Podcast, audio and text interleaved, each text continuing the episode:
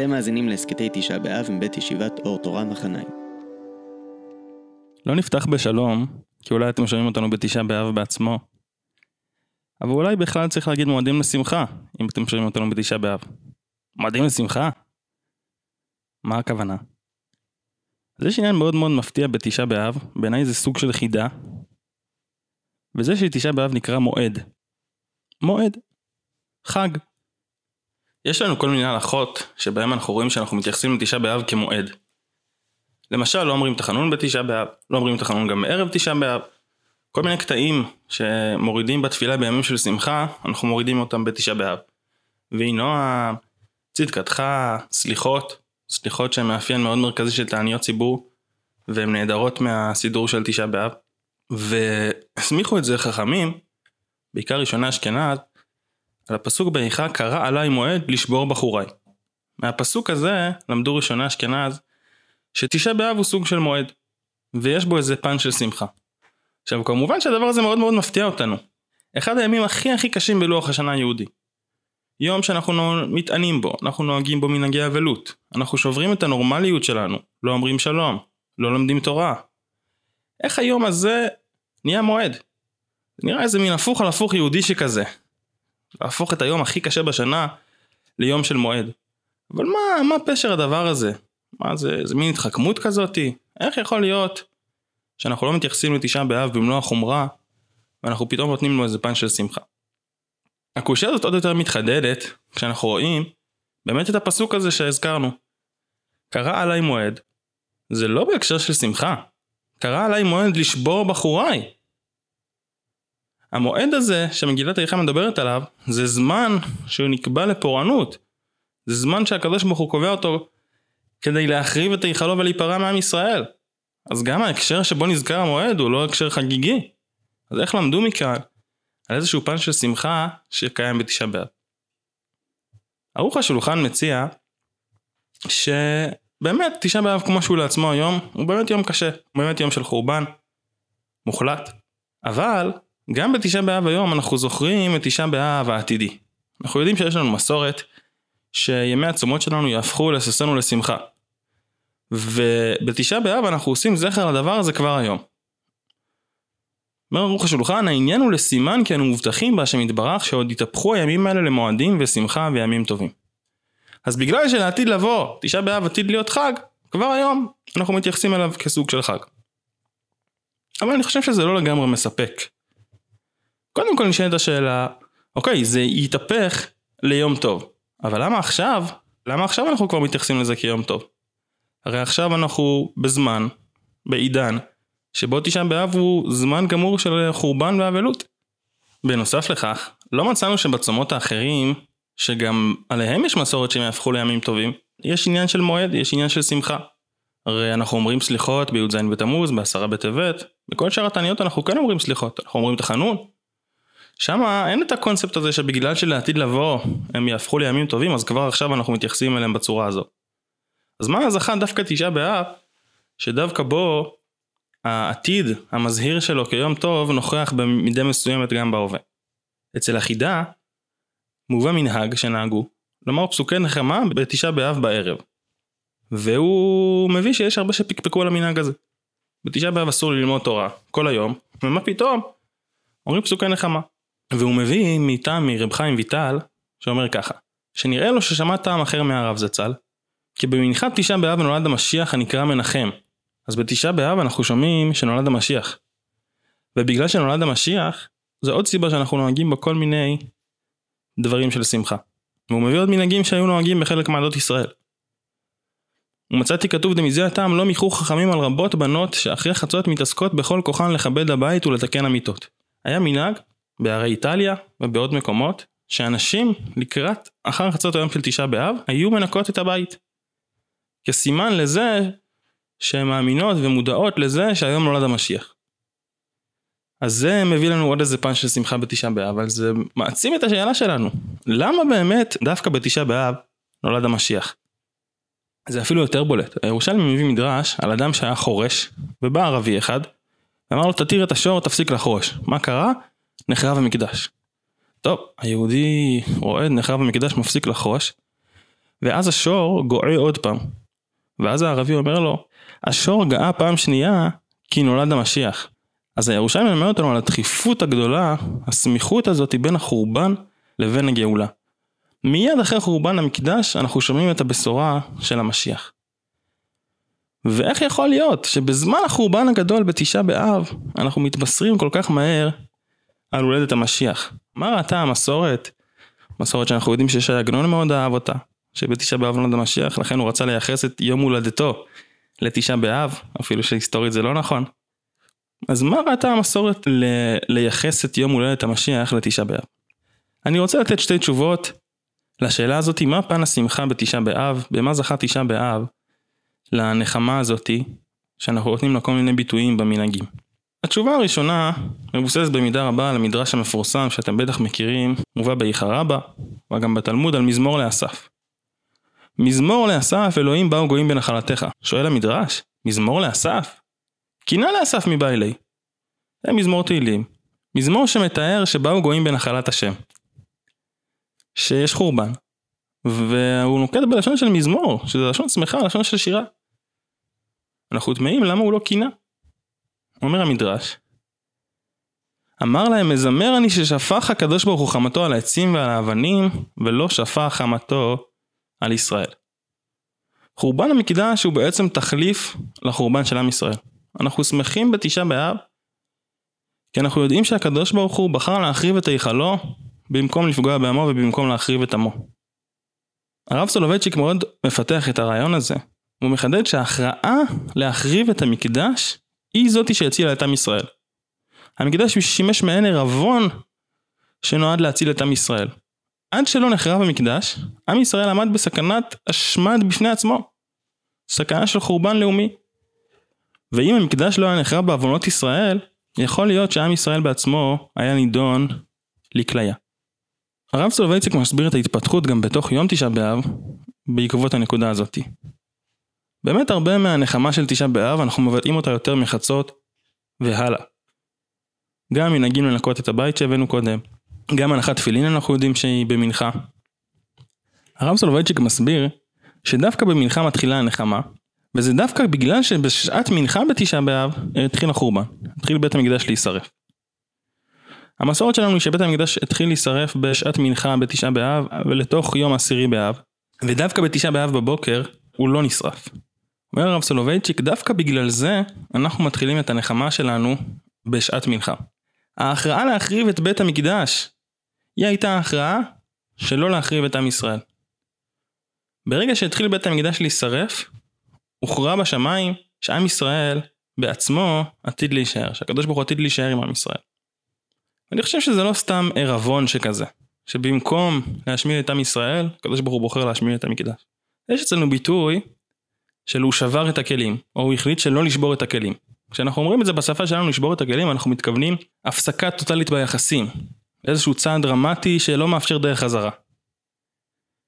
אבל המדרש הזה מלמד אותנו שהקדוש ברוך הוא שבר את הכלים. אבל לפעמים לשבור את הכלים זה לשבור דווקא את הכלים ולא לשבור את הקשר עצמו. הקדוש ברוך הוא בחר לשמור, לשבור את הכלים שמייצגים את הקשר שלו עם עם ישראל, לשבור את המקדש. אבל המקדש הוא כלי. הקשר בין הקדוש ברוך הוא לעם ישראל שהיה עלול להינתק לא ניתק.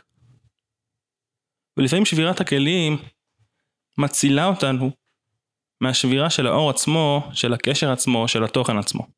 אנחנו יודעים מהעולם של הזוגיות, שזוגיות ששומרים בה את הדברים בבטן, שאין דרך לבטא בה את הכאבים, את הפערים, את הקשיים, זה זוגיות שעתידה להיכשל.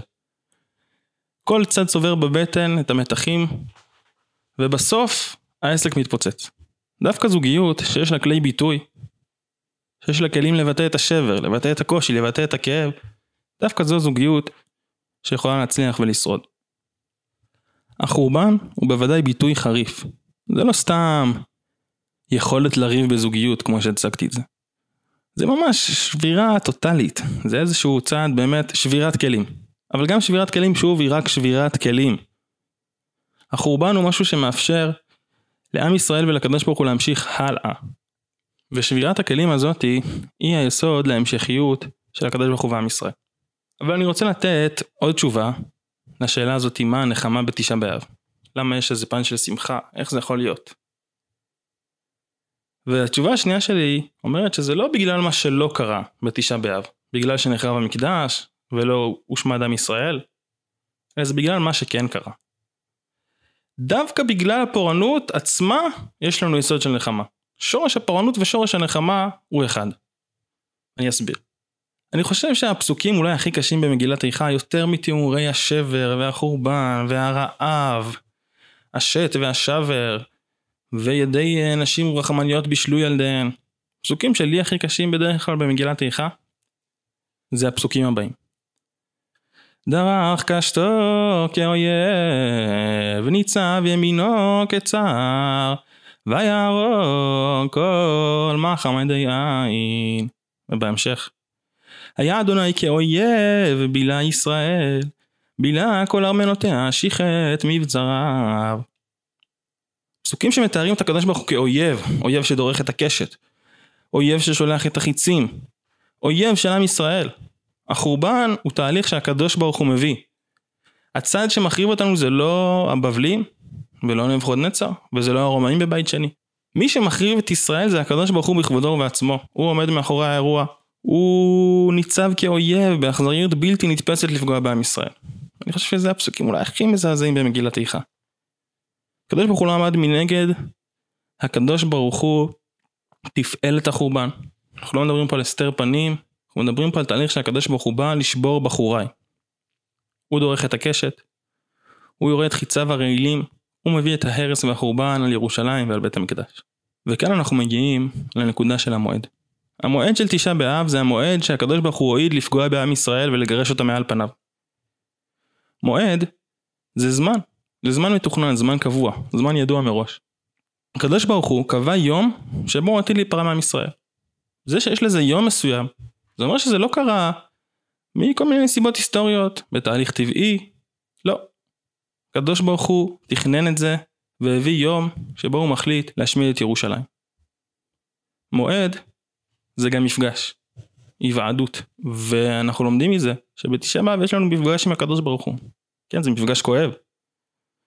זה מפגש אולי אפילו אכזרי, אבל אנחנו פוגשים את הקדוש ברוך הוא, אנחנו לא פוגשים מישהו אחר. מגילת איכה זה אחת המגילות שהקדוש ברוך הוא נוכח בהן בחוזקר, בעוצמה רבה. בשונה ממגילת אסתר, שהקדוש ברוך הוא נוכח באופן נסתר, שיש ישועה נסתרת, במגילת איכה ברור לחלוטין מי יורה את החיצים ומי מעניש ומי עומד מאחורי התהליך הנורא. שם השם נזכר לחלוטין במגילה. למרות שהמאורעות זה לא מאורעות שהיינו שמחים לראות בהם את יד השם, אנחנו יודעים שהוא זה שעומד מאחורי זה. אז לכאורה תיארתי פה דבר איום ונורא. למה? איך אני חושב שזה מסביר את המועד שבתשעה באב? כשאנחנו מבינים שהחורבן הוא מכוון, שהחורבן הוא מתוכנן, שהחורבן הוא צעד שהקדוש ברוך הוא מפעיל אותו, אנחנו מבינים שתבוא הנחמה, שתבוא הגאולה. למה? אנחנו מבינים שהקדוש ברוך הוא לא אדיש לעם ישראל. אנחנו יודעים שההפך של אהבה זה לא שנאה אלא אדישות. הדבר הכי נורא שיכול לקרות למערכת זוגית זה אדישות. כשהקדוש ברוך הוא יוצא מכליו כדי להביא חורבן לעם ישראל. הפסוק השני שבו נסגר המועד במגילת איכה זה תקרא חיום מועד מגוריי מסביב. כלומר, קראת לשכנים, לכל העמים מסביב, כדי לבוא ולהשמיד אותי. וזה המועד. זה איזשהו מין חג אבסורדי כזה שמזמינים המון מוזמנים לאירוע. והאירוע הזה זה האירוע שהמוזמנים האלה עוזרים להשמיד את עם ישראל. להשמיד את ירושלים, להשמיד את המקדש.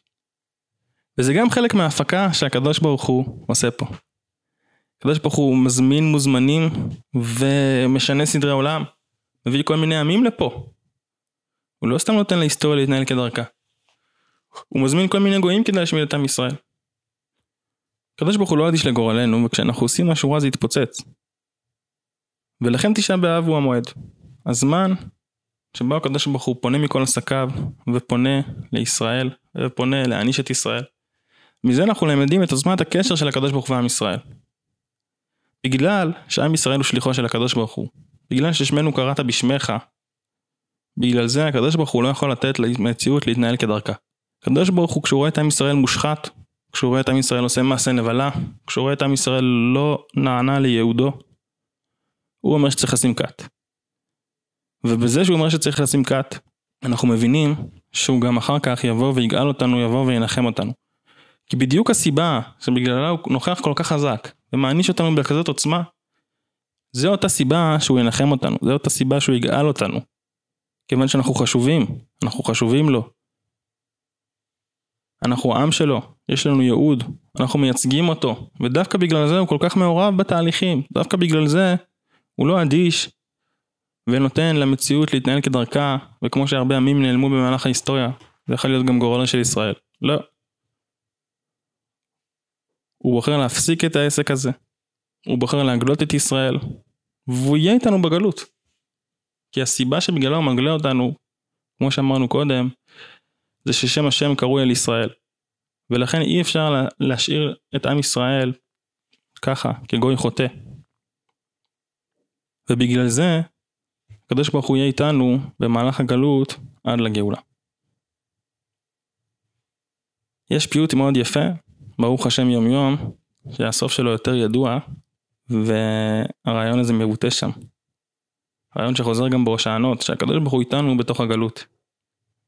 ואיתנו ישוב נידחים קובץ, ישיב לא נאמר כי אם ושב וקיבץ. הקדוש ברוך הוא ישוב איתנו מהגלות, כי הקדוש ברוך הוא יצא איתנו לגלות.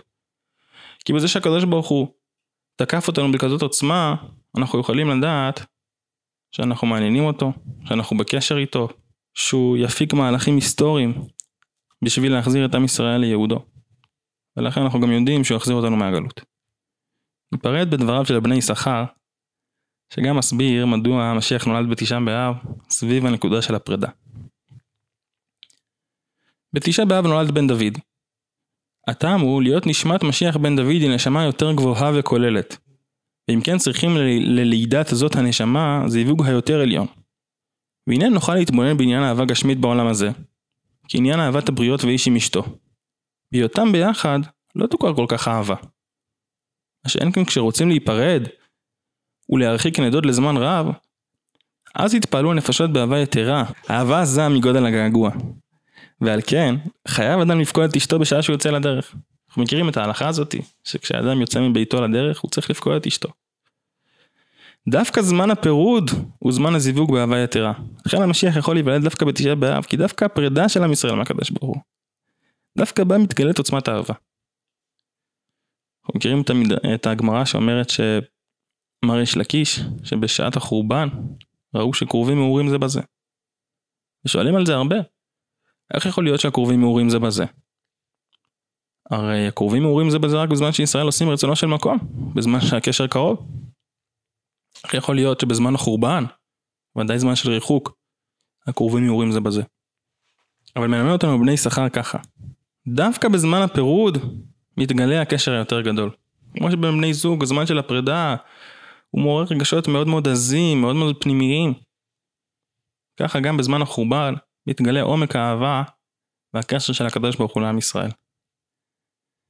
אז אם אתם שומעים אותנו אחרי חצות לפחות, אז באמת שיהיה מועדים לשמחה לנחמה, ושנרגיש מתוך ה... באמת עוצמת המכה שקיבלנו מהקדוש ברוך הוא, אבל שהיא מעידה גם על עוצמת הקשר, שהיא מעידה על עוצמת הקרבה, ושהיא תעיד על זה שהוא יגאל אותנו בקרוב, ויבטא את הקשר הזה, וכולם יראו את מידת הקרבה בין ישראל לאביהם שבשמיים.